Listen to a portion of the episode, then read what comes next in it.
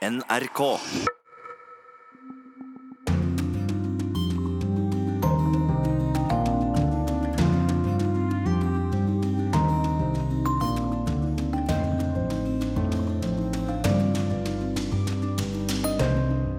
De siste forberedelsene for å få fotballguttene ut av grotten i Thailand er i gang. I dag er det to uker siden de ble sperret inne. Kaos og fortvilelse på grensen mellom Mexico og Texas. 3000 barn venter fortsatt på å bli gjenforent med foreldrene sine. Unge svensker organiserer seg for å bli hørt av politikerne. Vi skal til Almedalsvekkan, der det i dag er Sverigedemokratenes dag. Og hvis jeg sier Oman, tenker du tilrettelegger for fredsprosesser og atomavtalens fødested da? Vel møtt til Urix på lørdag, som også skal til Chile og Russland. Jeg heter Wenche Eriksen. Korrespondentbrevet denne uken kommer fra vår Asia-korrespondent Kjersti Strømmen. Og vi starter denne sendingen i Asia også. Vi skal til Chiang Rai i Thailand, der de tolv guttene og deres fotballtrener har vært innesperret i en grotte i to uker nå. Roger Sevrin Bruland, du har rapportert fra grotteinngangen i flere dager nå. Hva skjer der du er, for du har flyttet på deg? Ja, Nå har jeg flytta meg litt opp i høgda, så nå står jeg rett bak den her eh, berømte grotta på en høyde, sammen med eh, de militære som driver og plotter inn eh, på kartet, der de har prøvd å bore seg ned ovenfra og ned. Så de får melding på radioen at nå har vi bora her og her, og så plotter de inn på et kart de har på veggen. Og det blir fortalt at de har gjort 100 sånne prøveboringer på 18 ulike plasser. Hvis en ser nå oppi heia der, så er det utrolig kupert. Så jeg, jeg lurer personlig på hvordan en har klart å få boreutstyr opp dit. Men uh, igjen så er jo det her en redningsaksjon helt uh, utenom det vanlige. Og så sier de at de er snart klare til å, å begynne å, å redde dem ut? Ja, nå kom det offisielt fra eh, kommandosenteret at eh, nå er de inne i en fase der en skal begynne å berge dem ut. Det betyr jo ikke nødvendigvis at det vil skje i dag, for det, det, tar lang tid å komme seg helt inn i grotta der disse guttene er. Det tar seks timer, sier de, for det er ganske sterk strøm. Og så vil det ta rundt fem timer tilbake igjen. Det er iallfall planen. da. Og Da vil jo disse her guttene få eh, all den eh, hjelp og bistand de kan få av de andre dykkerne. Og eh, Det blir fortalt at det er mulig at de kanskje må dykke litt, men målet er at de ikke skal dykke i det hele tatt. For det er jo mange av disse her som ikke kan svømme. Men det som blir sagt er at vannstanden nå er så lav. Det har faktisk ikke regna på flere dager. Og det har gjort det mulig at en nå kan, kan, få litt optimisme igjen, etter at i går var jo en bedrøvelig dag der det var tilløp til regn, der det var dødsfall og, og ting så eh, litt mer eh, Litt mindre optimistisk ut, da, kan du si.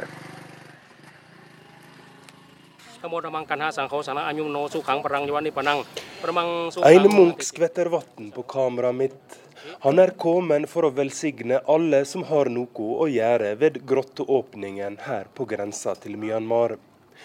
Munkene og buddhismen spiller en stor rolle i redningsaksjonen.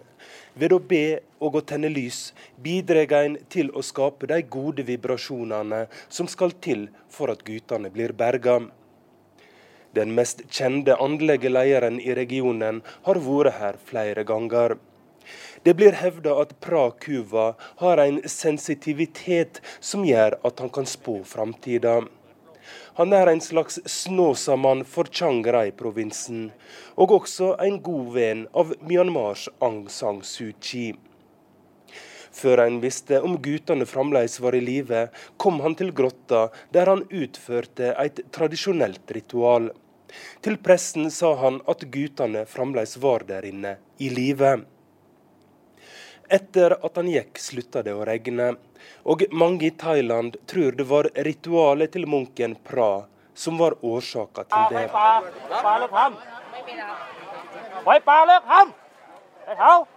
Samtidig foregår det også en hektisk redningsaksjon på det mer verdslige nivået. Men kanskje trenger en litt åndelig hjelp for å holde uværet vekke. I går blitsa det over himmelen, men uværet for forbi uten å treffe grotta. Ingen turde å tenke på konsekvensene av et slikt regnvær.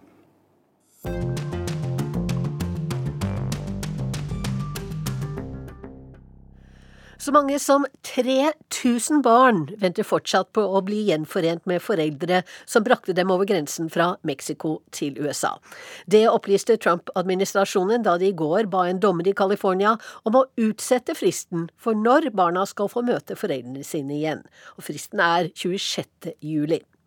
USA-korrespondent Tove Bjørgaas har vært i grenseområdene i Texas denne uken. Der er situasjonen fortsatt både kaotisk og fortvilet. Arkansas. En carro. En carro, ok. En carro, sí. Carro, sí, carro. Bus. Arkansas, sier ni år gamle Samuel fra El Salvador. Han ser sliten ut, men er en av de heldige. Det er bare fire dager siden han kom over grensen fra Mexico sammen med pappa Marvin. De første døgnene satt de to i de mye omtalte burene i det store mottakssenteret her i McAllen i Texas. Det har fått kallenavnet Fryseboksen fordi klimaanlegget der gjør det iskaldt.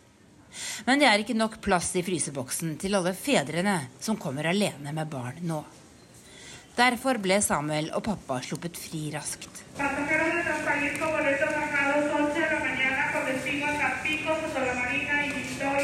Og nå sitter de på busstasjonen. De har ingen koffert, bare en liten tøypose hver. Og pappa har en gul konvolutt med papirer i og et hvitt ark som er limt på utsiden, hvor det står Jeg snakker ikke engelsk, vær så snill og hjelp meg. Mamma og småsøsknene til Samuel er igjen hjemme i El Salvador.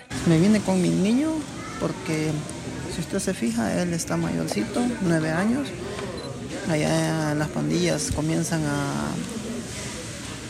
digámoslo, a los salvadoreños lavarle la mente. Jeg har reist hit med sønnen min fordi gjengene har begynt å plage ham og forsøker å rekruttere ham. Jeg følte at jeg måtte dra fra volden for å gi ham en bedre framtid, forteller Marvin. No I Arkansas har han en fetter. Det er dit de er på vei nå. Det er flere familier her på busstasjonen, men ingen har mistet barna sine. De som har det, sitter i varetekt her nede ved grensen i Texas og i mange andre delstater og venter på at asylsøknadene deres skal bli behandlet. The children, so be uh, rumors, and are not. Position. Foreldrene forstår ikke hva som skjer. De vet ikke når de vil få se barna. Og de sier de får forskjellig informasjon hele tiden, sier advokat Louis Capos, som hjelper foreldre som sitter i Port Isabel, et stort lukket transittmottak like i nærheten. Ingen journalist slipper inn med opptaksutstyr eller kamera for å snakke med foreldrene her. Men innenfor et høyt piggtrådgjerde sitter flere hundre som er blitt atskilt fra barna sine. Svært få har så langt blitt gjenforent. På flyplassen i Boston ble Angelica Gonzales Garcia fra Guatemala en av de få på torsdag.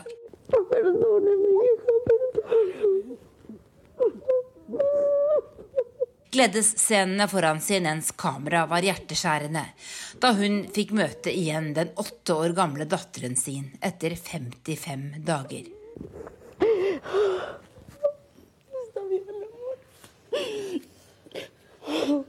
En dommer i California krever at alle barn under fem år skal gjenforenes med foreldrene innen tirsdag, og alle eldre barn innen 26. juli. Men i går ba Trump-administrasjonen om utsettelse når det gjelder de større barna, fordi den sier det vil ta tid å DNA-teste alle sammen.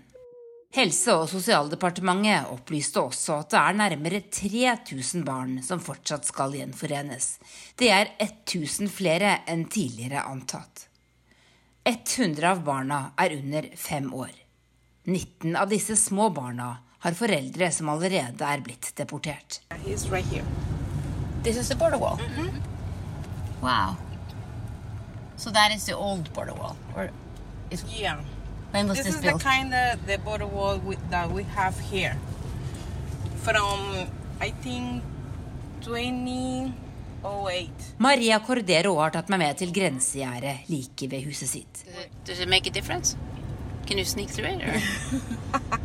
You can see. You can notice right now. Hun bor 100 meter fra Rio Grande. Og noen hundre fra det rustrøde gjerdet som i dag bare er stolper satt ned i bakken med 20 cm mellomrom. I crossed this this um, by this uh, part of the United States 24 years ago as undocumented. So when I saw someone crossing, I saw myself. Jeg kom gående inn i landet akkurat her for 24 år siden, forklarer Maria og peker på en vei. Den går rett gjennom gjerdet. Det er mange åpninger en kan smette inn gjennom her. Men først må en jo krysse elva Rio Grande. Det gjorde Maria. Hun har siden fått permanent oppholdstillatelse, barn og barnebarn, og jobber som grasrotkoordinator i American Civil Liberties Union. I dette området rett ved grensen bor mange som er blitt deportert, men som deretter har sneket seg inn i landet igjen. Our families are being separated in a, in in a traffic stop counter, so we can we can connect with them and we can be solidar solidarity uh, with the families separating from their kids because we know Vi kan identifisere oss med familiene som blir skilt fra hverandre. For her er det mange familier som lever adskilt på den måten, forteller Maria.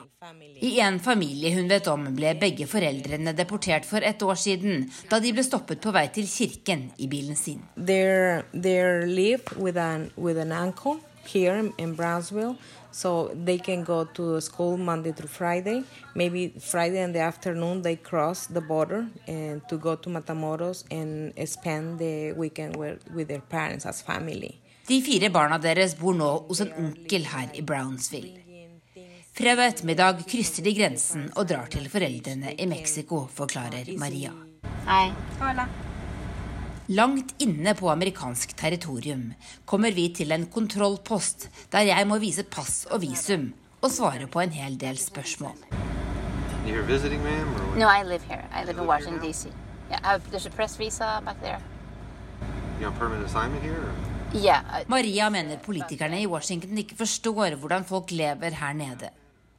Immigrasjonssystemet er lovløst og ødelagt. Noe må forandre seg. Doesn't there have to be a limit of how many people can come?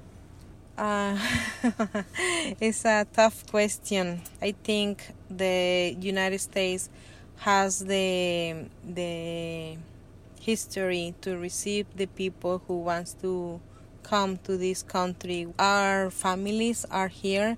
Our lives are here. We own uh, land here. Her kommer folk tilbake selv om de blir deportert. Det er her de har livene sine, eier land og har fremtida si. Vi må snakke om løsninger, mener hun. På busstasjonen er Samuel og Marvin klare til å fortsette reisen. De må fortsatt vente på sitt asylintervju i Arkansas.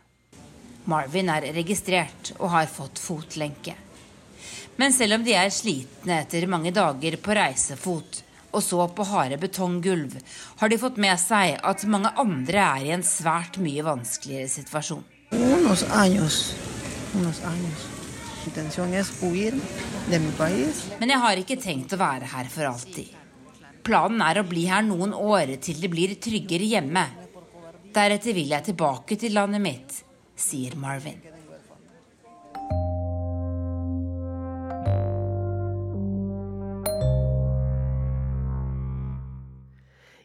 I Visby på Gotland er det i dag Sverigedemokratenes dag under det som omtales som det viktigste politiske forumet i Sverige, Almedalsveckan.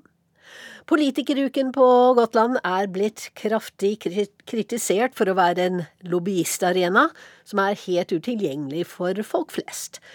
Noen ungdommer bestemte seg for å gjøre noe med det, og de startet organisasjonen Fler unga. Kollega Charlotte Bergløf har møtt dem i Almedalen.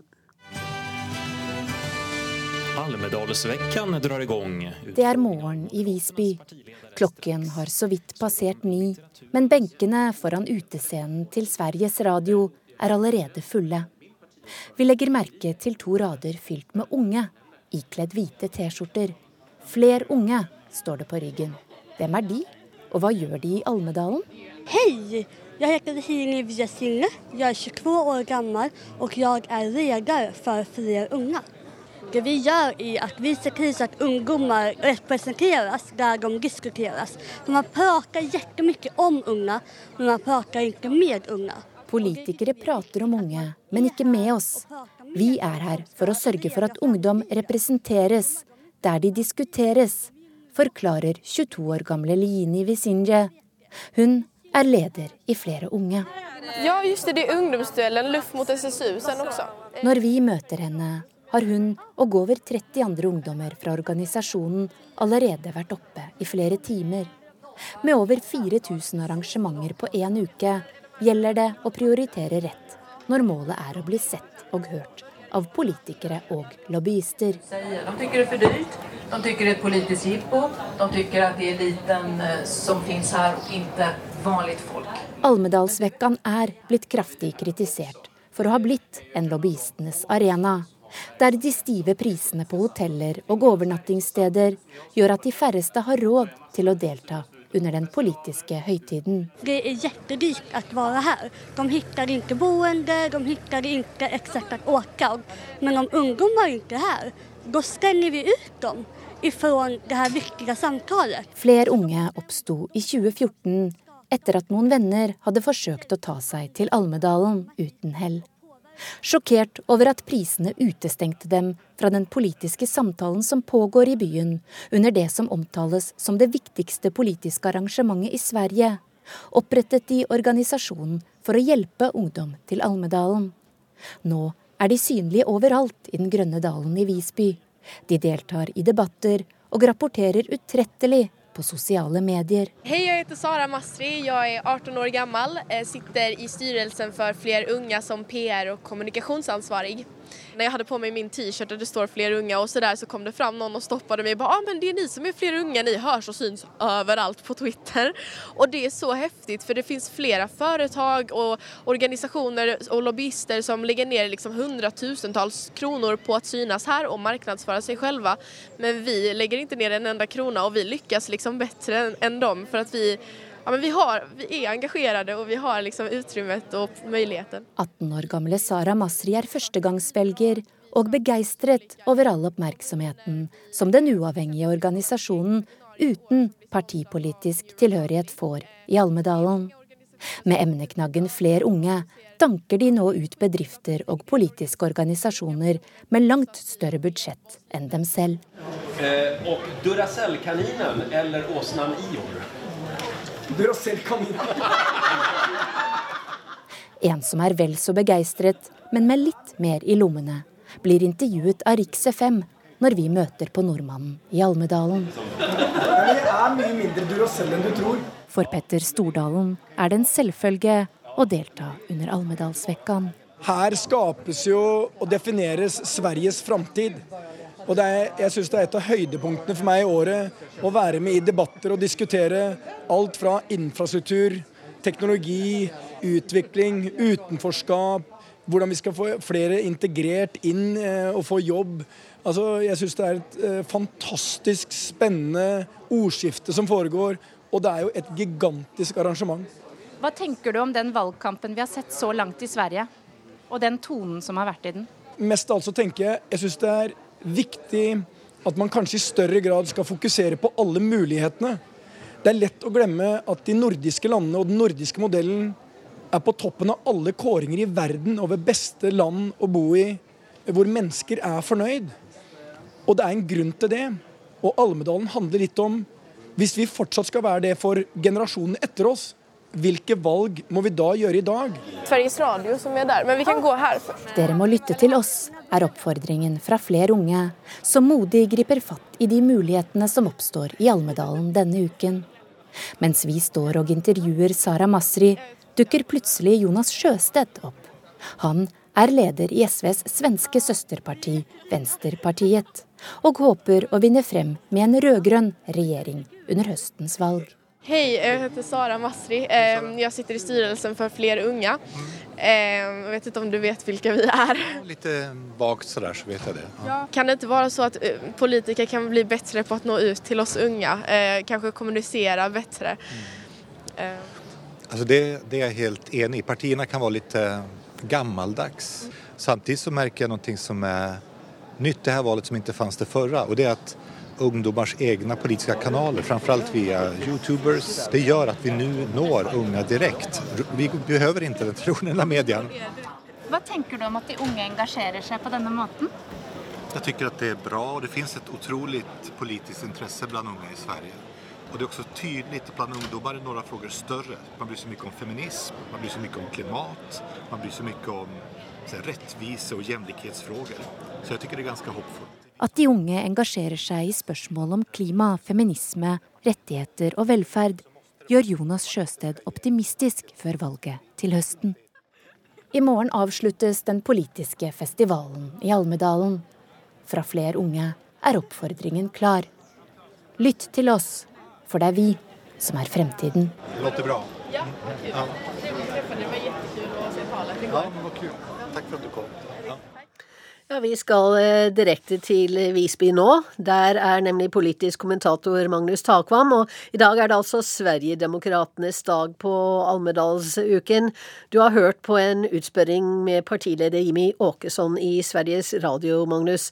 Var det noe spesielt du la merke til der? Nei, vi var i det teltet og den utescenen der Sveriges Radio har daglige utspørringer om morgenen. Og Jimmy Åkesson han strutter jo av selvtillit, og det preget også denne utspørringen i dag tidlig. Eh, det vi kan si, er at eh, oppmerksomheten om Sverigedemokraterna har jo preget hele denne uka, som dere i Norge sikkert også har fått med dere. Og da ut fra problemstillingen liksom hvorfor går de fram, og masse analyser om årsaken til det. Og ikke så mye om f.eks. konsekvensene av den politikken eh, partiet står for. Så de har tjent veldig på den eh, dagsorden som deres veldig store framgang har skapt. Det er det ingen tvil om. Ja, er det noen som har klart å svare på hvorfor de går fram? Er det bare motstanden mot eh, den svenske innvandringspolitikken som gjør partiet så populært? Altså Det er den aller viktigste eh, årsaken. Og helt spesielt så var det fordi at før eh, flyktningkrisen i 2015 så ville ingen av de andre partiene, i motsetning til f.eks. i Norge og, og en del andre land, snakke om problemer ved innvandring. Jeg husker valgkampen i 2014 f.eks. Da sa uh, Stefan Löfven at det utelukkende var oppsider ved innvandring. Han så på det som en mulighet for Sverige, det kom arbeidskraft osv. Så videre. sånn det er klart at når sosialdemokratene og også da moderatene så kraftig snudde eh, trill rundt i sin Eh, retorikk om innvandringspolitikken, så ble på en måte deres troverdighet så liten at, at eh, det er en viktig årsak til at Sverigedemokraterna, som alltid har snakket om dette, tjente på det. Men eh, det er også en del av forklaringen at mange av de som stemmer på Sverigedemokraterna, gjør det i en sterk mistillit til liksom, samfunnsutvikling, den politiske eliten osv., som jo er en felles trend for framgangen til mange høyrepopulistiske partier både i Europa og ellers.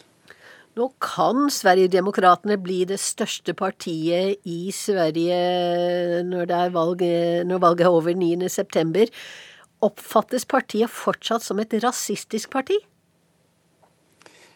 Det er mange, særlig på venstresiden, som fremdeles kaller de et rasistisk parti. Altså at partiet også skal vi si, genuint er rasistisk og vil være rasister. Men det er blitt eh, færre som gjør det etter at partiet nå har forsøkt å moderere seg. De har jo en fortid eh, i, det som heter 'Bevara Sverige svenskt' fra 1988, som hadde et rasistisk utgangspunkt. og man sier nå at partiet har rasistiske røtter, og at enkeltrepresentanter for partiet kommer med uttalelser som er rasistiske. Men eh, de har, som jeg var inne på, da klart å moderere seg noe, slik at det stempelet er, er eh, ikke fullt så så hardt. Men at de er et knallhardt innvandringskritisk parti, er det jo ingen tvil om. Og de, de definerer på en måte innvandringen som skal vi si, en eksistensiell trussel for hele det svenske samfunnet på alle de områder de er opptatt av, velferd og sykehus osv. Så videre. sånn at det er det som gjennomsyrer eh, argumentasjonen deres.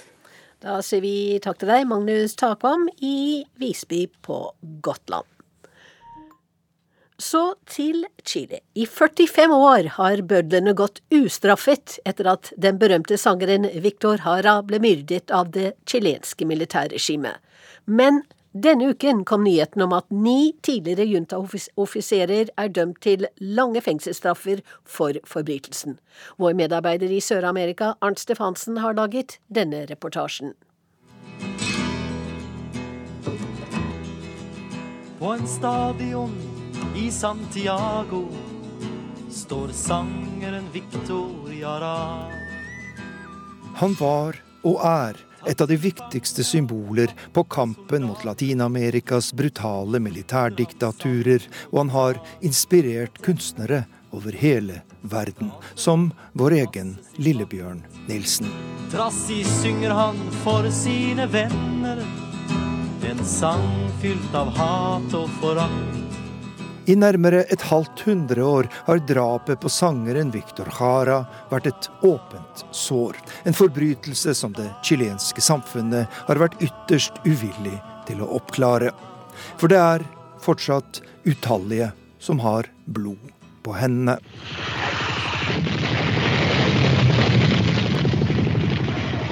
Militærkuppet i Chile den 11. september 1973 var et sjokk for hele den demokratiske verden.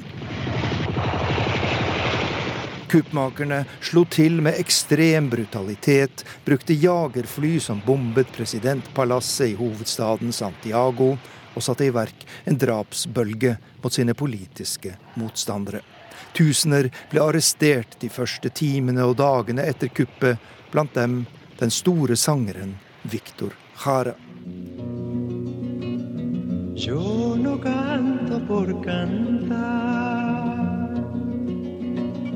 ni por tener buena voz.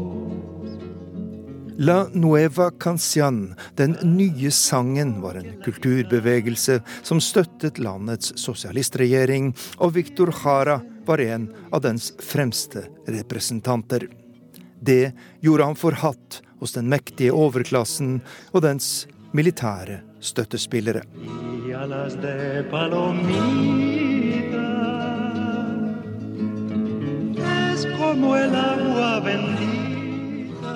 Victor Jara ble brakt til den beryktede Chile stadion, der han og andre fanger ble torturert på det grusomste. Deretter ble sangeren skutt og drept, og han ble senere funnet i en bakgate i Santiago med 44 kuler i kroppen. Haras kone Joan satt hjemme i leiligheten deres med to små barn og visste ingenting om ektemannens skjebne. Men den natten han døde, hadde hun en slags religiøs opplevelse, forteller hun.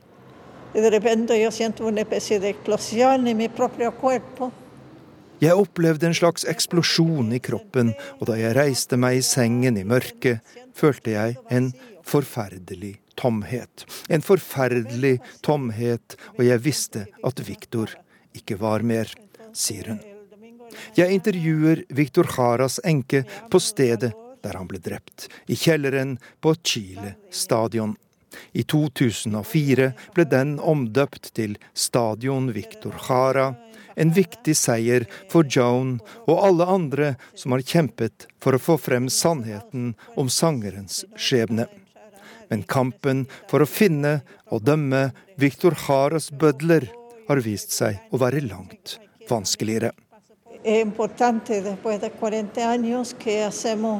Vi må la nye generasjoner oppleve at rettferdigheten seirer, sa Joan Jara etter at det ble tatt ut tiltale mot de antatte gjerningsmennene for noen år siden og hennes pågangsmot har vært helt nødvendig. For Chiles militære har gjort alt for å sabotere rettsprosessen. Først denne uka kom nyheten om at de ni offiserene er dømt. Åtte av dem må sone 18 år bak murene. Den niende er idømt fem års fengsel.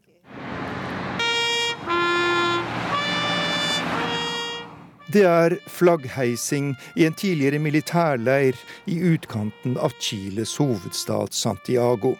Her skal Victor Jaras butler sone sin straff, de fleste av dem trolig for resten av sin levetid. Den antatte hovedmannen bak drapet på Jara er tidligere dømt til fengselsstraff og store bøter i USA, men er ennå ikke utlevert til Chile. Men de som kjemper for rettferdighet, håper at også den kampen kan vinnes. Og vi skal love deg aldri å glemme Sangfugl fra Chile, farvel. Ah.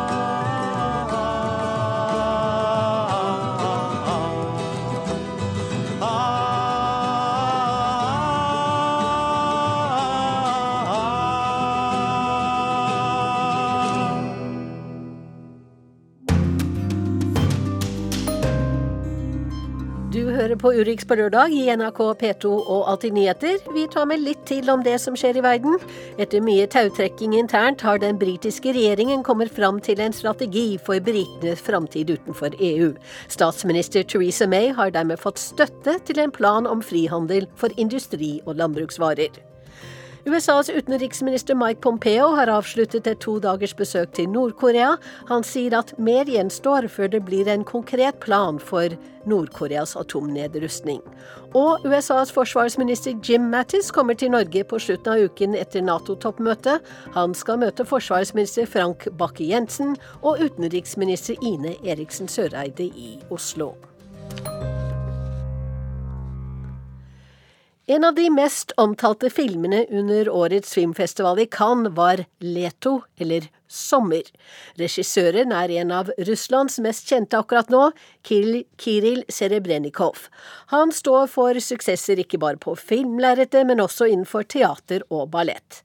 Men selv får han liten glede av triumfene, for i snart ett år har han sittet i husarrest i Moskva, mistenkt for underslag av statlige midler. Vår korrespondent Morten Jentoft har nettopp sett Sommer i en sommervarm kinosal i Moskva.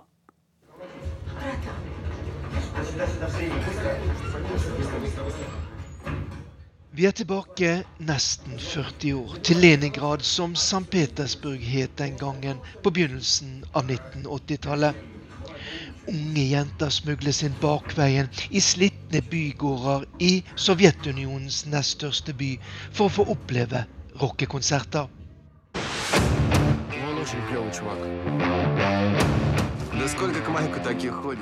Det handler om det mange kaller gullalderen i russisk eller sovjetisk rock. Vi møter Mikael Mike Naumenko, hans unge, vakre kone Natalia, og ikke minst, inn på scenen kommer også den mystiske Viktor Tsoi, grunnleggeren av gruppen Kino. Я выключаю телевизор, я пишу тебе письмо про то, что больше не Og det er forholdet mellom Mike, Victor og ikke minst Mikes vakre kone Natalia filmen Leto sommer handler om. Om håp, lengsler og opprør mot et stivnet politisk system der TV bare viser taler av sovjetlederen Leonid Brezjnev og skurtreskere som overoppfyller planene i jordbruket. Leta. Jeg er ikke en kakateleta. Время есть, а денег нету Но мне на это наплевать а Ute på sandstrendene ved Finskaviken møtes de sovjetiske ungdommene med lite penger, men med et ønske om å skape sin versjon av det vestlige rockeopprøret. Den ytre handlingen i filmen handler om forholdet mellom Mike, Natalia og Victor. Et lite trekantdrama uten så veldig mye drama. Dramatikken ligger mye mer i tidsbildet, og ikke minst i hvilke likhetstegn som finnes mellom Leningrad i 1981 og det moderne Russland i 2018. Uh, I think I I, I can't, I can't uh, uh, think about the whole audience because audience for me consists of each individuals. I, I don't take like Jeg prøver å nå fram til enkeltmenneskene i salen med mine forestillinger og filmer, sier regissør Kiril Serebrenikov i et intervju som han ga etter å ha kommet med sin kanskje mest kjente film 'Sviket' i 2012. Intervjuet er altså gammelt, fordi Kiril Serebrenikov ikke har fått anledning til å promotere sin siste film, fordi han siden i fjor sommer har sittet i husarrest i sin leilighet på Prestitsjenkagaten i Moskva, i forbindelse med en større sak der han er beskyldt for å ha misbrukt statlige penger til et kultursenter som han er leder for. Сейчас можно сказать, что это не про политику. Он действительно получился достойный фильм. И даже Терефремо говорил, э, он уже часто... På Den røde løperen i Cannes var en av produsentene bak filmen, Murat Osman, opptatt av at det var pga. filmens kunstneriske kvaliteter den var tatt ut til festivalen. Men samtidig var det markeringer både fra skuespillere og produsenter og fra filmarbeidere over hele verden til støtte for Kiril Serebrenikov, der han sitter i husarrest i Moskva etter anklager han selv sier er politiske.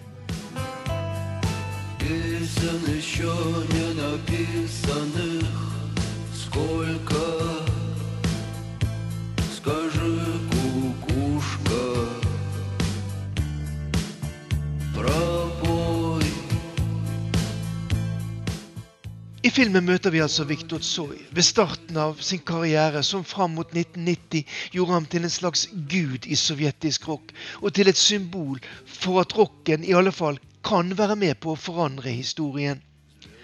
Hans dype tekster ble allemannseie, og en hel generasjon russere og russisktalende i det tidligere Sovjetunionen kjenner sanger som Kokusjka, Den lille gjøken, og Konchitsja Leta, Slutten på sommeren.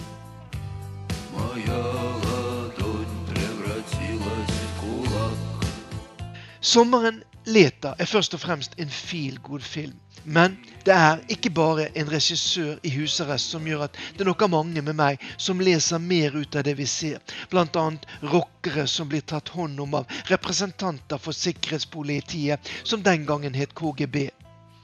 Kiril Sedebrenikov har vært en skarp kritiker av utviklingen i Russland under Vladimir Putin, der han bl.a. mener at den ortodokse kirken har fått altfor stor makt. Kanskje ønsker han med sin nye film å si at det er nødvendig med et nytt opprør, selv om han altså må delta i dette fra sin husarrest i en loftsleilighet i sentrum av Moskva.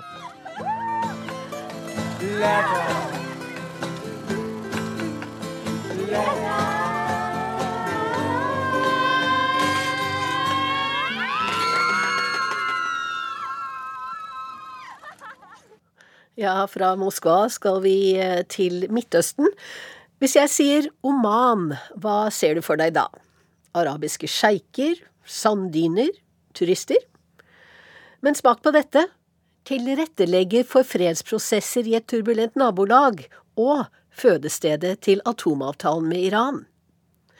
Urix på lørdag har møtt Omans utenriksminister, som mener at de fleste konfliktene ikke er så kompliserte som mange vil ha det til bortsett fra én, alle konflikters mor, den mellom israelere og palestinere. Det er ett spørsmål begge sider må få. Ett spørsmål, og de bør svare om de klarer, sier han lavmælt.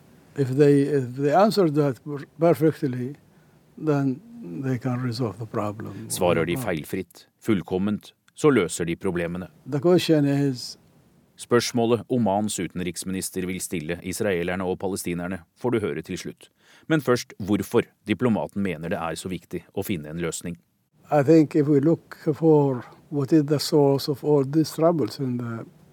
East, Kilden til alle problemene i Midtøsten er den uløste 70 år gamle konflikten, mener Yusuf bin Alawi bin Abdullah. I 21 år har han vært Omans toppdiplomat og sett kriser komme og gå i et urolig nabolag. All the other crises which we see now, it comes and goes because there are uh, an efforts uh, and it's not so complicated as the issues of the Israelis-Palestinians. Seremonimesteren på flyplassen i Omans hovedstad Muscat er blitt travlere. Bare de siste månedene har Indias statsminister kommet hit.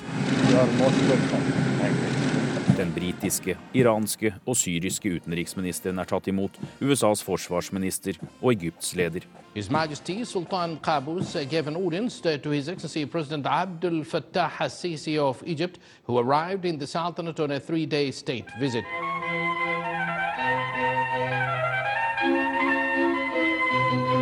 Statlig fjernsyn spiller klassisk musikk som den eneveldige sultanen elsker, mens bilder fra de politiske møtene ruller over skjermen. Det er blitt regionens mellommann. Et sted vestlige diplomater gjerne besøker for å komme i kontakt med Iran eller den arabiske verdenen. Norges daværende utenriksminister Børge Brende var i Oman i fjor for å diskutere fred og forsoningsinitiativ. What makes your diplomacy succeed? Many people asking us the same questions. I think one of the secret, not secret, but one of the things which is we strongly keep that we will not have a secret agenda. Vi har ingen skjult agenda, sier utenriksminister Abdullah. Oman forsøker å holde seg nøytralt, har ikke sans for allianser og deltar f.eks. ikke i koalisjonen som kriger i Jemen, eller i boikotten av Qatar. Oman var bakkanalen der USA og iranerne møttes i hemmelighet for første gang. Landet ses på som atomavtalens vugge. Det var sultanatet som presset på, og fikk Jemens nå drepte president Saleh til å gå av. Fortsatt er Oman kontaktpunkt for gruppene som kriger i nabolandet. Golfstaten nyter respekt som tredjepart og tilrettelegger. Uh, Vi spør aktørene om deres uh, tankegang og hva de ser på som alternativet, sier sultanens utenriksansvarlige til NRK. Uh, I mange tilfeller velger oppegående mennesker alternativet enn å være låst til et tapsprosjekt, er budskapet. Failure and loss. Annerledeslandet Oman skiller seg ut i en region med pågående diplomatiske kriser og konflikter. I slutten av juni fikk landet med nær fem millioner innbyggere sin femte prikk på Unescos kart over verneverdige kulturminner. Sultanatet setter turisme høyt, sammen med olje, på den økonomiske agendaen, men ønsker en annen utvikling enn naboen Dubai. Den arabiske våren for seks-sju år siden slo aldri rot der sultan Kabos har styrt siden 1970. Landet tilpasset seg og økte minstelønna etter noen demonstrasjoner, er utenriksministerens svar.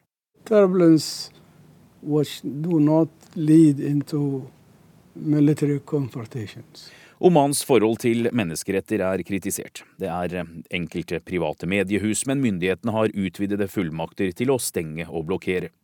Landet rangeres samtidig høyt på lista over steder som utvikler seg i positiv retning. Regionen er preget av stormaktspolitikk, men turbulens til tross. Utenriksministeren ser ikke for seg en ny krig i Midtøsten. Han karakteriserer forholdet mellom rivalene Saudi-Arabia og Iran, som Oman deler land og sjøgrense med, på denne måten. Det forblir fastlåst.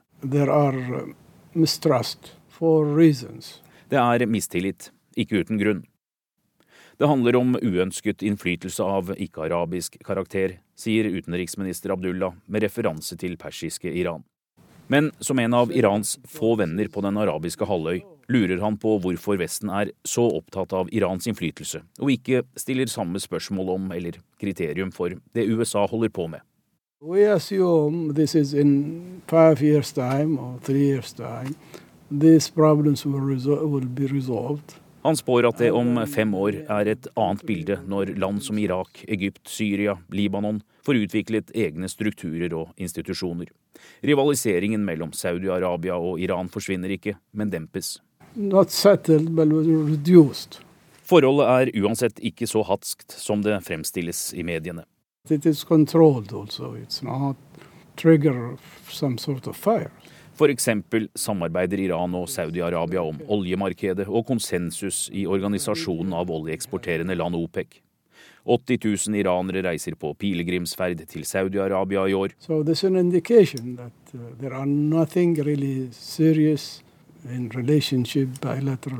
We accept the environment of the region. Heller ikke blokaden av golfstaten Qatar, som Saudi-Arabia tok initiativ til i fjor sommer, angivelig pga. Qatars utenrikspolitikk, stempler han som en trussel for stabiliteten. Qatar har klart seg bra uten å innfri noen av kravene.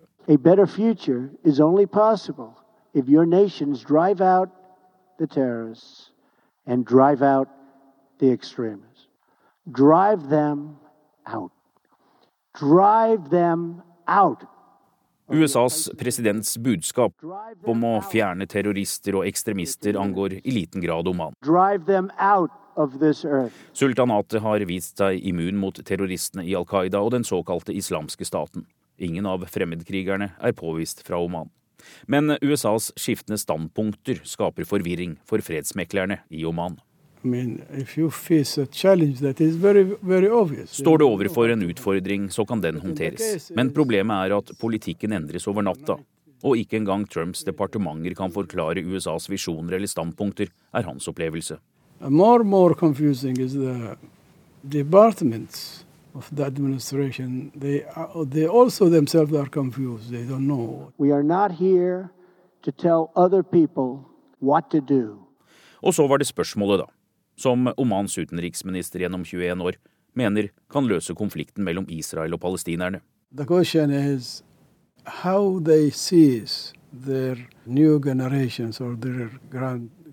ser de den nye generasjonen, barnebarna sine, være om 30 år?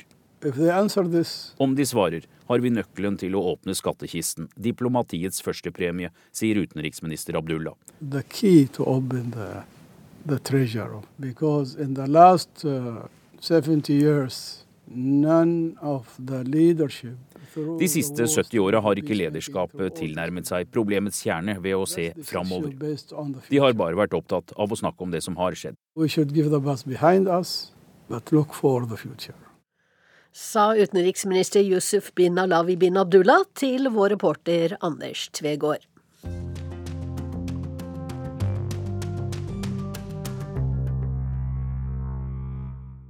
Kamphandlingene i den brutale Koreakrigen varte i tre år, men partene er fremdeles teknisk sett i krig. For noen fortsetter kampen fremdeles så het inn i en soldats siste leveår. Vår Asia-korrespondent Kjersti Strømmen gir oss historien om en spion som har ofret hele sitt liv.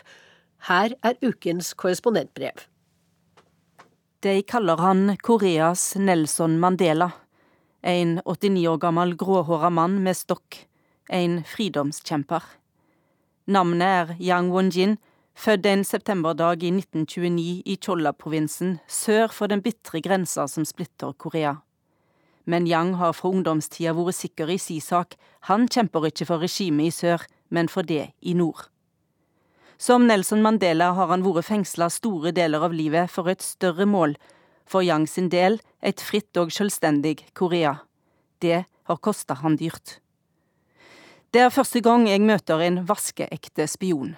Som spioner flest ser han ikke ut som noe annet enn en helt vanlig mann, men å være mollvarp blant sine egne krever utvilsomt personlige sider de fleste av oss ikke har. Folk i Vesten vil fnyse av at Yang blir sammenlikna med hedersmannen Nelson Mandela. Det er heller ikke min hensikt å gi Yang korte medaljer eller slik ære. Det som interesserer meg, er de menneskelige sidene av en krig som aldri tok slutt. Det finnes nok av avhoppere som skildrer et regime som knuser all opposisjon, om arbeidsleirer og andre grufulle metoder for straff i nord. For en del år tilbake intervjua jeg en avhopper som hadde levd på rotter i mangel på annen mat. Men så finnes det altså også andre historier om folk som lengter heim, og en av de er altså Yang Wonjin. Spionen som sitter i en djup og slitt sofa, forteller meg om et liv som kunne vært helt annerledes om det ikke var for krigen og de utenlandske kreftene som blanda seg inn i Korea sin lagnad. Det sterkeste kapitlet i Yangs historie handler om familie og svik. Han vurderte å drepe sin egen søster. Men motivasjonen til å bli spion ble ifølge Yang sjøl unnfanga langt tilbake i tid, i barndommen. Av ulike grunner bodde han som liten rundt omkring hos flere slektninger, familien var ganske rik. Onkelen hadde ei god stilling i byggebransjen og hadde godt med penger, men det kom ikke unggutten til gode. Han måtte gå til skolen uten det han trong av bøker, sjøl om slektningene absolutt hadde råd til å hjelpe han. Ofte ble Yang straffa for små ting. Han fikk derfor lite til overs for godt utdanna og rike folk. Ifølge Yang gjorde disse vonde erfaringene han til en revolusjonær. Dessuten var det for Yang sin del helt tilfeldig at han ble født på den sida av grensa som nå heter Sør-Korea. Da han kom til verden var det ikke to, men ett Korea. Det var likevel ikke fritt, men okkupert av Japan. Det var ikke bare koreanerne som ville fjerne den japanske okkupasjonsmakta. USA og Sovjetunionen engasjerte seg i dette oppdraget på hver sin kant av landet, og ble like etter Japans tap i andre verdenskrig i all hast samlet om å dra i ganske tilfeldig linje på tvers av den koreanske halvøya. Yang var 16 år på tampen av Japans okkupasjon. Han ble tvungen til å bære japansk uniform i et halvt år, til Japan ble jaga på dør. Yang var allerede da del av ei undergrunnsrørsle av kommunister i den sørlige delen av Korea. På denne tida var kommunismen sterkere i sør enn i nord, og deler av denne rørsla hadde drevet geriljakrig mot japanerne. Koreanerne trodde de endelig skulle bli fri for fremmede makter, men da USA gjorde Arbeiderpartiet i sør ulovlig, var løpet lagt for Yang. Dette var for han tegn på mer imperialisme. Da de nordkoreanske styrkene tok seg inn i Seoul i 1950, ble Yang deres soldat. Han mente at bare Arbeiderpartiet kunne sammenligne et Korea fritt for utenlandske krefter. Etter et par dragkamper ble de nordkoreanske styrkene tvunget tilbake. Yang drog over fjellene og inn i Nord-Korea, der han fikk militær trening og utmerka seg som en dyktig radiomann. Med Kina og Sovjetunionen på laget i nord og USA i sør ble krigen brutal. Krigen bar med seg forferdelige handlinger fra alle parter, men Yang glemmer aldri bomberegnet fra USA. Han kom helskinna fra det, selv om 635 000 tonn bomber og 32 557 tonn brannbomber ble slept over nord. I en periode reiste Yang fram og tilbake over grensa til sør som agent og spion. En gang var det nære på at han ble tatt, for da han skulle hente et par kollegaer i sør, var politiet allerede på møteplassen. Han slapp unna. Da han 30 år gammel etablerte seg som spion i Seoul i 1959, fant han ut at brødrene ikke lenger var i live, og faren var blitt drepen i Koreakrigen. Søstera drev en fabrikk som produserte alkohol, med pengene fra deres felles farsarv. Yang trong penger til sitt livsopphold. Han stolte på søstera, for hun støtta også den nordkoreanske rørsla. Han fikk husrom hos tanta, og ba søstera møte han der. Det skulle han ikke ha gjort, for hun varsla politiet. Først tenkte han å ta livet av seg sjøl og søstera med en pistol, men så ombestemte han seg. Ei slik hending ville bare gi sørkoreanske medier grunn til å framstille det nordkoreanske regimet som umenneskelig. Dessuten ville huset til tanta bli fullt av blod, og det ville han ikke, og han ønskte å se mor si i live. I visse om at han risikerte dødsstraff om han ikke overgav seg, valgte han livet.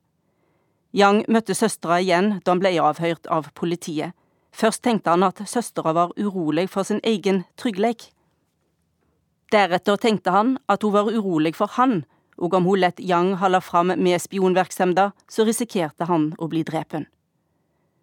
Etter at han overgav seg, løy han om at et nordkoreansk skip skulle komme til Sør-Korea for å hente spioner. Det var faktisk få skip som kom fra Nord-Korea på den tida, men merkverdig nok kom det et skip derifra den dagen. Derfor trodde de at Yang hadde gitt dem riktig informasjon. Han slapp ut. Spionen flytta inn i huset til søstera og holdt fram med å rapportere til Nord-Korea derifra. Vendepunktet kom da han gifta seg, for da han vendte hjem fra bryllupsreisa sto politiet på trappa og venta på han. Yang mistenker at det var mannen til søstera som denne gangen hadde tysta. En gang var han nemlig blitt oppdaga av svogeren da han brant spionmateriale. Etter at Yang ble tatt, drog politiet til søstera sitt hus, og der fant de utstyret han brukte til å rapportere til nord. Yang ble fengsla i 29 og et halvt år. Da han slapp ut av fengsel, klandra alle slektningene søstera for å ha tysta på sin egen bror. De forflytta Yang inn sammen med henne for at hun skulle vinne tilbake sitt rykte. Etter det endra slektningene sitt syn på henne. Yang fikk aldri besøk i fengselet, men fengselssjefen fikk et godt inntrykk av han, så han ringte søstera og fortalte henne at han ville sette spionen fri. Senere fikk Yang vite at søstera hadde advart mot å slippe han ut av fengsel, fordi han da ville havne i trøbbel igjen, og at det derfor var bedre å holde han på innsida. Det var en plass under bakken der nordkoreanske spioner som hadde overgitt seg, avhørte spioner som nylig var blitt tatt til fange. Yang fikk tilbud om å være med på det, men det nekta han. Det ville ha gjort han til en amerikansk undersått, eller som han sier det, hunden til amerikanerne. Han ville ikke svikte den koreanske nasjonen. Den første gangen han slapp ut av fengsel, trefte han mor si. Den andre gangen han slapp ut, var det for seint, hun døde ett år tidligere. Før Yang ble satt fri, hadde han bare hatt midlertidige og falske papir, men da han slapp ut, ble han sørkoreansk statsborger fordi det var i sør han ble født. Hjertet hans er likevel i nord.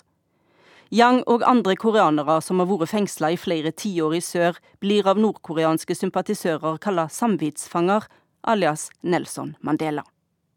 Yang aksepterer heller ikke nå det sørkoreanske regimet, fordi han mener det fremdeles er under sterk amerikansk påvirknad. Et sameina Korea er ikke blitt en realitet, og han er 89 år gammel. Hva mener Yang nå om hva innsatsen har kosta han? Jo, sier han, det var verdt det. Teknisk ansvarlig for Urix på lørdag har vært Eli Kirsebø, produsent Irina Kjelle, og her i studio satt Wenche Eriksen.